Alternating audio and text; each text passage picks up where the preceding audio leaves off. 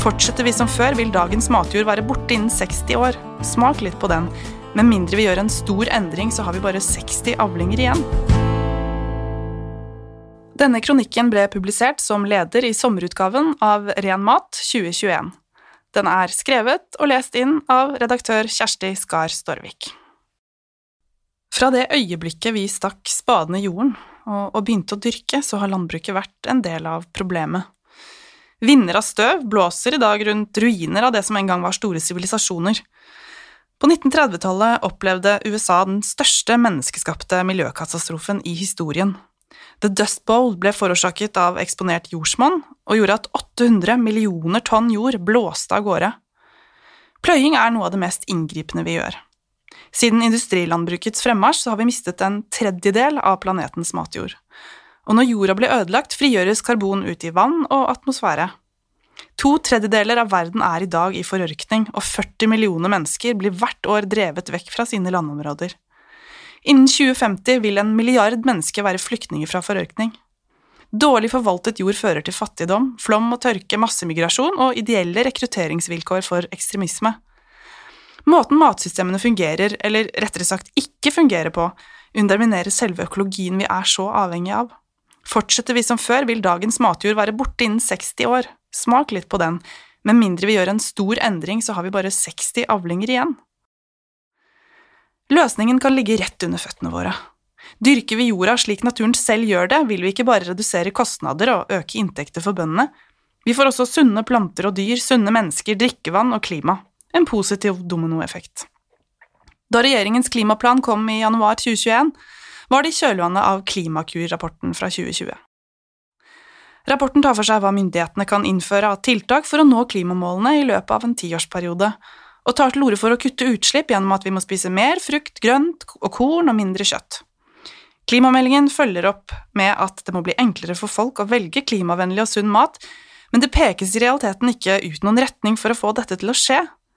Isteden får vi en teknologioptimistisk klimaplan hvor landbruket forplikter seg til å redusere utslipp basert på stadig mer raffinert teknologi. Blikket rettes ikke mot hvilke fordeler som ligger i økologiske og regenerative metoder, ei heller ser vi konkrete insentiver for å øke norsk produksjon av planter direkte til menneskemat.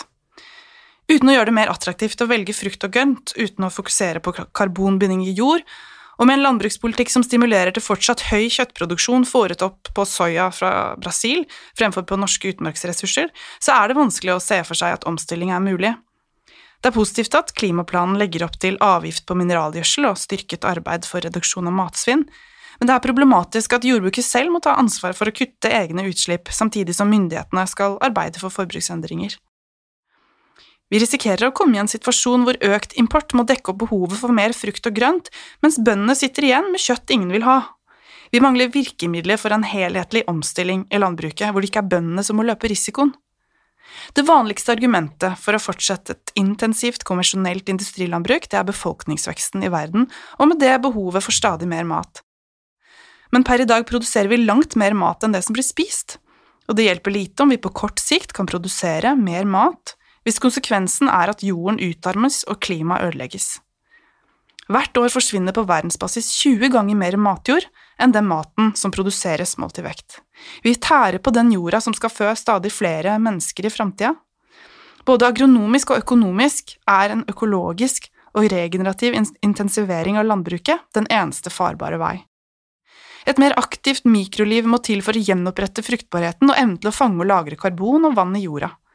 Jorddekke, allsidig vekstskifte og organisk gjødsling må til for å bedre jordhelsen.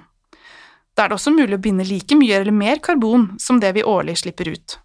Denne direkte effekten på klimaet bidrar også til å bedre matsikkerheten og sikre selvforsyningen. Med en ny jordbrukspolitikk kan vi redusere klimautslipp og opprettholde dagens jordbruksareal og øke produksjonen av frukt og grønt med 30% så lenge vi kutter kjøttforbruket tilsvarende. Det viser en ny rapport fra Ruralis og Framtiden i våre hender.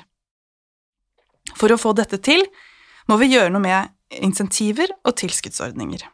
Vi må omlegge fra dyretilskudd til arealtilskudd. Vi må øke tilskuddene til klimatiltak og innføre kraftfôravgift og avgift på mineralgjødsel. Dette vil øke bruken av gras og redusere kraftfôr, noe som fordrer færre husdyr. Dette kan være et rødt flagg. For mange bønder utgjør husdyrholdet hele inntektsgrunnlaget.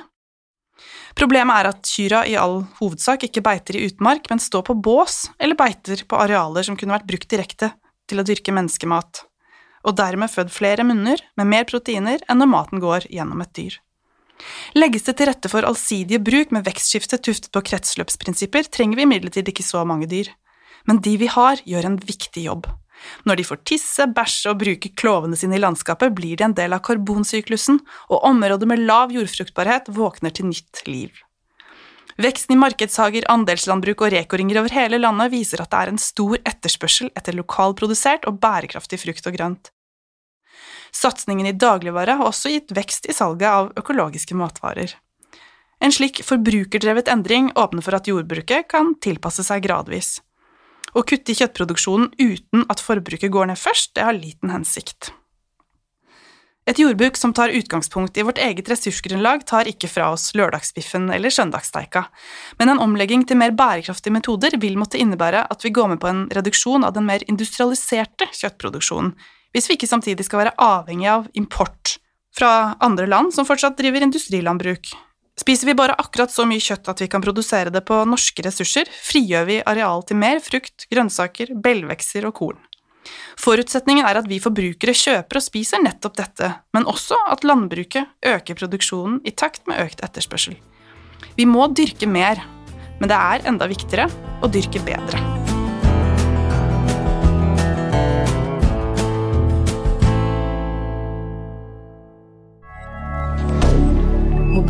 Kader.